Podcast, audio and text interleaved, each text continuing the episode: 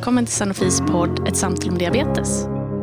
I den här podden som riktar sig till vårdpersonal kommer jag, Ida Wallin som jobbar som medicinsk rådgivare och Andrea Olin som är produktchef samtala med kunniga personer kring diabetes. I det här poddavsnittet pratar vi med Mattias Ledin och Linda Melbin om livsstilsinterventioner och diabetes. Det här är den första delen av två inom ämnet. Mattias är universitetssjuksköterska på Karolinska Universitetssjukhuset och Linda är kardiolog på Karolinska Universitetssjukhuset. Välkomna! Tack snälla. Tack. Så det här blir ju en miniserie med två avsnitt, så lyssna gärna på båda avsnitten. Kan inte ni berätta lite om hur er vardag ser ut? Mattias, vi börjar med dig. Hej, och Mattias heter jag. Jag är ju som sagt då universitetssjuksköterska, men jag är också specialistsjuksköterska i kardiologi. Jag jobbar på Karolinska sjukhuset, jag jobbar kliniskt två dagar i veckan. Jag jobbar både i Solna och i Huddinge och jag tar hand om kranskärlspatienter och mestadels hjärtinfarktspatienter som jag ger råd om, bland annat livsstil som vi ska prata om här. Jag har många patienter som har diabetes också, så det här är, är, är min grej att prata om. Sen föreläser jag en del och forskar rätt mycket också. Då är mina forskningsområden då bland annat sekundärprevention efter hjärtinfarkt, lite diabetes men också fysisk aktivitet, livsstil och levnadsvanor. Där har ni mig i ett litet paket. Går över till Linda. Ja, kommer nästa paket då, Linda Melvin. Jag jobbar tillsammans med Mattias på Karolinska. Jag är kardiolog och patientflödeschef för kranskärlssjukdom, ett väldigt långt ord. Så att jag eh, jobbar dels då kliniskt med patienter, huvudsak med kranskärlssjukdom, Eh, men också andra hjärtpatienter. Och sen så är jag med och organiserar själva patientflödet och de som jobbar i det med kranskärlssjukdom på Karolinska håller mycket på med sekundärprevention och sen så har jag då mitt forskningsområde som är just diabetes och hjärtsjukdomar. Vad, vad spännande. Ni jobbar ju båda då med hjärta och diabetes. Varför är det relevant att se båda delarna? Vi vet att om man har diabetes så har man en ökad risk att utveckla hjärt-kärlsjukdomar. Och andra hållet så är det också så att när man väl har fått sin hjärt-kärlsjukdom så har man en sämre prognos än om man inte har diabetes. Så det är en väldigt viktig och farlig kombination. Men vi har en del som vi faktiskt kan göra för att förbättra den här prognosen. Absolut, framförallt med livsstil som vi ska prata om här idag. Det är ju den första grunden till det, vad vi, vad vi gör med våra patienter. Får du en diabetesdiagnos så är livsstil A och O, bland annat med fysisk aktivitet, bättre matvanor, men också stress, sömn, sluta röka, kanske tänka på hur mycket du konsumerar av alkohol. Så det, det är väldigt, väldigt viktigt. Vi ser ju en del patienter också, Linda, som har prediabetes. Och här finns ju väldigt mycket man kan göra. Jag vet inte om det kommer komma senare, men här är verkligen livsstilen väldigt viktig och det kommer vi berätta mer om sen.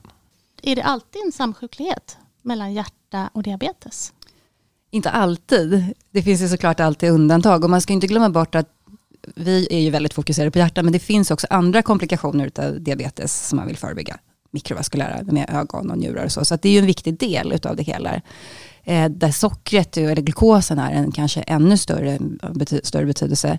När det gäller hjärt-kärlsjuklighet så är det många andra riskfaktorer som påverkar med högt blodtryck och, och högt, högt kolesterol och andra saker. Men det är ju inte så att alla patienter utvecklar hjärtinfarkt. Och det är ju det vi vill förebygga framförallt. Och även då andra manifestationer som till exempel hjärtsvikt. Vi ska ju prata om livsstilsinterventioner idag. Mm. och jag tänker att vi börjar med att prata om att hur arbetar ni tillsammans med livsstilsinterventioner? Tillsammans. Oftast brukar det vara så här, nu tar jag ordet ifrån Linda, att jag får en remiss från Linda eller ett, ett meddelande på nätet där Linda skriver den här patienten har jag pratat med nu. Han har diabetes, han har hjärt och kärlsjukdom och nu tycker jag att du tar över och pratar lite mer om livsstil. Så att det är så vi försöker köra. Jag har en patient till dig här som jag tycker du ska prata livsstil och sen kan vi tvärtom också. Jag har en patient här som jag eh, vad heter det, pratar, eh, har pratat livsstil med och nu kanske vi måste göra något åt medicineringen Linda. Vad tycker du om det här? Så att det är mycket samtal, mycket, typ små ronder har vi rätt ofta också. Alltså att vi har en gång i veckan en liten rond som där vi stämmer av med varandra med våra hjärtinfarktspatienter. Men samarbete, ett multidisciplinärt team tror jag på. Det är verkligen viktigt. Sjuksköterska, läkare, men också med andra professioner. Och jag har ju lärt mig jättemycket under de här senaste åren av dig, bland annat Mattias, att det är också viktigt att vi, läkargruppen, också tar upp de här levnadsvanorna som patienterna kanske har som är mindre bra och vad man kan fokusera på som blir bättre. Så att, att kanske inte går in i detalj allting om hur man ska äta och, hur, och så, men att ändå nämna att du borde sluta röka och du borde kanske, det här det är bra att träna, men själva detaljerna är Mattias bättre på att förklara hur man ska göra än vad jag är. Men att man ändå har, att vi har samma målbild tillsammans med patienten. Jag tror att det är jätteviktigt att göra så och dela upp det lite också med tanke på att vi har lite mer tid för just de här sakerna, vi sjuksköterskor. Att vi verkligen, det har vi sett i studier också faktiskt, att vi sjuksköterskor har mer tid och att läkaren kanske börjar så fröet medan vi tar över och planterar det lite djupare med att vi pratar på detaljnivå om matvanor, fysisk aktivitet, men också om vi har en, en diabetiker som kanske röker, så att vi börjar gå in redan där, kanske rent utav på avdelningen och hjälper till med att få sluta röka och sen att vi följer den här patienten patienten i ett år. Och det är det lyxiga med att vi kompletterar varandra, vi hjälper varandra genom det hela. Eh, när man får en hjärtinfarkt idag, vi säger, och även har diabetes, så följer vi patienten i ett helt år. Och det är väldigt lyxigt och på ett år hinner vi göra rätt mycket tillsammans. Och nu har ni ju nämnt då kost, mm. motion och mm. sluta röka. Kan vi inte mm. prata lite om dem individuellt? Jo. Vi börjar med kost. Mm. Och då säger jag snabbt att vi kallar det för mat matvanor. Vi pratar, och det är så bra Linda sa det, jag, vi pratar ju livsstil men jag älskar att säga levnadsvanor och det är det vi ska prata om. Och då pratar vi hälsosamma matvanor. Och det är ju någonting som är jättelätt att prata om men ändå så svårt.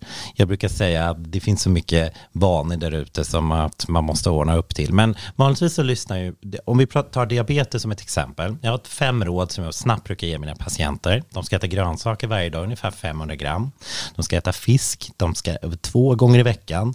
De ska äta nötter och frön, olivolja och få i sig någon typ av fibrer, gärna till frukost, lite havregrynsgröt brukar jag säga, men stoppa gärna ner nötterna då i, i gröten. Så sådana råd ger jag, medan kanske Linda tänker mer på insulinkänslighet och ger kolhydratsråd. Det var tre råd, du sa att det fanns fem. Jag sa fem. Ja. Nej, men jag sa fem. Ja. Och... Grönsaker, ja. jag sa fisk, mm. jag sa nötter, jag sa olivolja och sen sa jag fibrer. Ah, jag klumpade ihop de sista. Ja, ja det är ingen fara.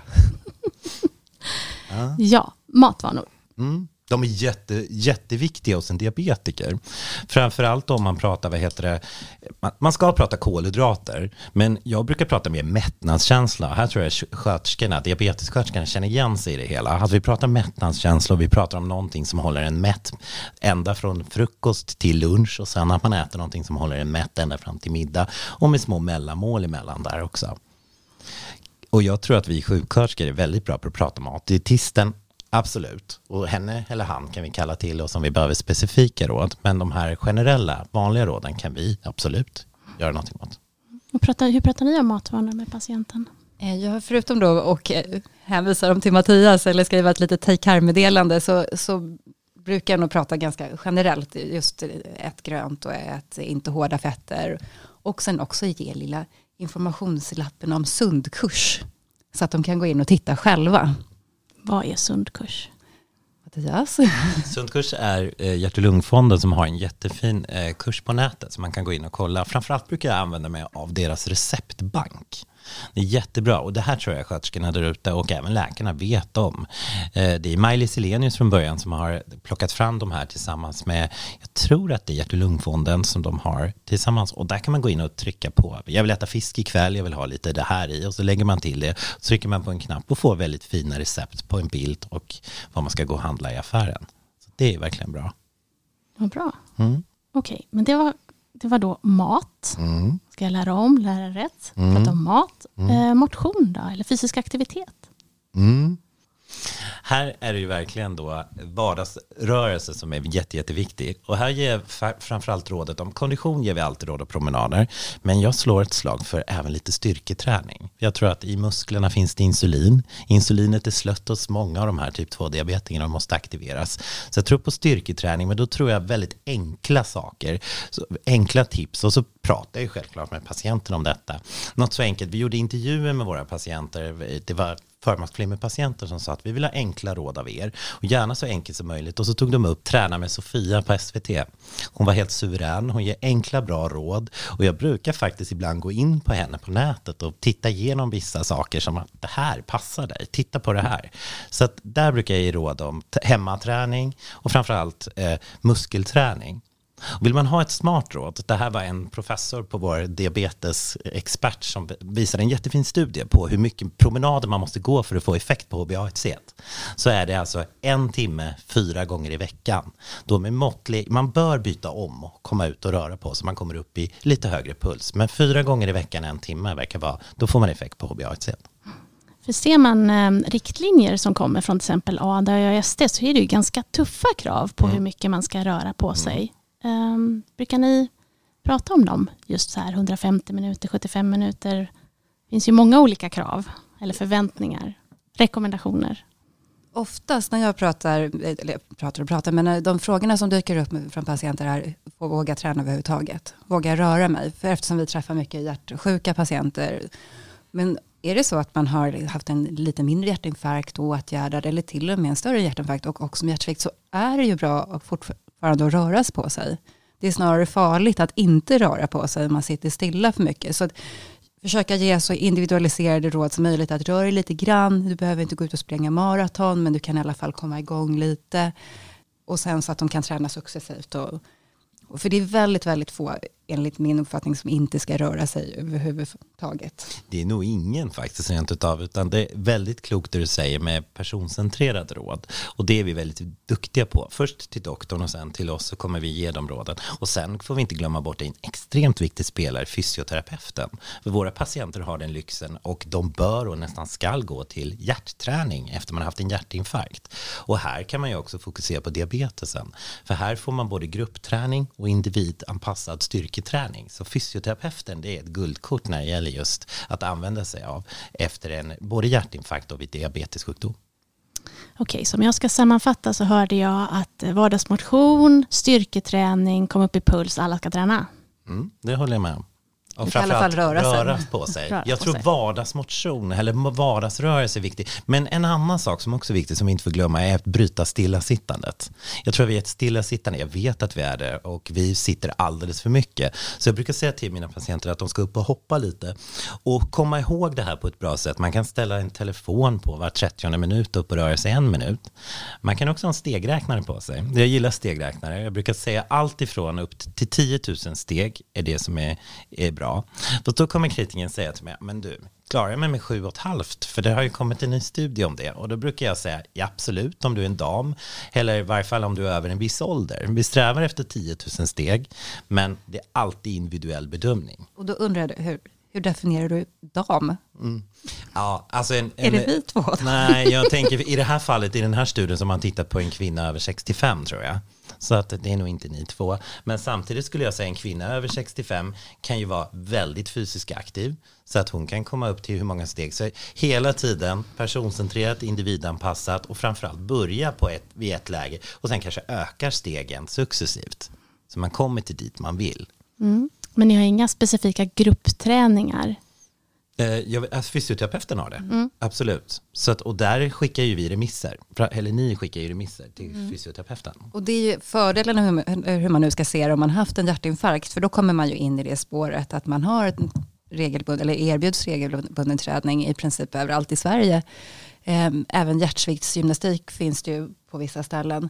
Eh, det är lite annorlunda om man bara har diabetes eller bara har eh, kärlkramp till exempel. De kommer man inte in i samma rullor. Men, men det är ju viktigt att man då också får individanpassade råd så mycket som det går. Mm. där kanske ni mm. sköterskor är bra på att kunna mm. ge tips mm. och så. Alltså, jag tror att det handlar väldigt mycket om att få råd och få att skapa ett samtal med de här patienterna och höra vad de vill göra. För det är ju en sak om jag tvingar mina patienter ut och springa och röra på sig. Det kommer de göra i början och sen tänker de, nej det här kommer inte jag orka med. Men om man hittar något som man tycker är roligt så kan man till och med skriva ett recept på det, fysisk aktivitet på recept, som faktiskt har visat i fina studier att det har väldigt bra effekt. Så kan man utvärdera, för det är ett A och Skriver man ett recept så ska det utvärderas också. Och det är jätte, jätteviktigt. Men det har man sett bra effekt på bland annat hos diabetiker. Den sista delen som ni nämnde innan var ju rökning. Mm. Det är ju inte bra. Nej. Nej, och vi vet ju att efter en hjärtinfarkt återigen så är det slutar man röka så minskar man risken att det ska gå dåligt med 50 procent. Trots det så är det fortfarande ungefär hälften bara som slutar röka. Det är färre som röker från början, det är bra. Men det är fortfarande ganska svårt att nå vissa personer. Och det är ju en intervention. 50% riskreduktion är ju någonting som vissa läkemedel bara kunde drömma om. Mm. Det är ju jättefina siffror. Men hur gör man då, rent praktiskt? Saken är ju den att det är inte många i Sverige som röker idag. Vi tittar på Folkhälsomyndighetens siffror så är det 6 procent. Och det är jättelite tycker vi, men det är just våra patienter som röker, de som kommer in med hjärtinfarkt. Socioekonomi spelar en stor roll, kunskap spelar en stor roll, men kanske inte så mycket för folk som röker vet att de bör inte röka, men, de vet att, men vi vet också att det är svårt att sluta att röka. Saken är den att det man har sett i studier nu är att det ska börja tidigt. Gärna så tidigt som möjligt så man börjar på avdelningen redan. Här har vi faktiskt börjat skriva PM tillsammans med avdelningspersonalen, sköterskorna på avdelningen. Så att vi har ett samarbete som sen går över till mottagningen och hoppas sen går ut i primärvården också med att vi kör samma linje. Den som spelar störst roll i det här, den som gör, vi har en patient som gör kanske en PCI, en ballongvidgning. Om den interven, han som gör interventionen säger till till den här patienten att du bör sluta röka för det är inte bra för dig. Det kommer man ihåg.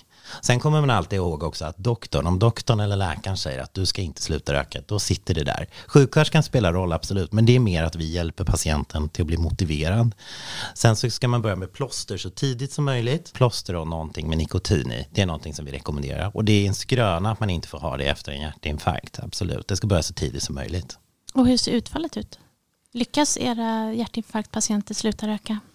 Ja, nu kommer jag bara för, inte, för det är inte ihåg exakta siffran, men det är, vad jag har vi- är det 60 procent ungefär av de som röker som slutar röka. Det finns ju mått i, i Swedart, det mäts ju i, som ett kvalitetsmått.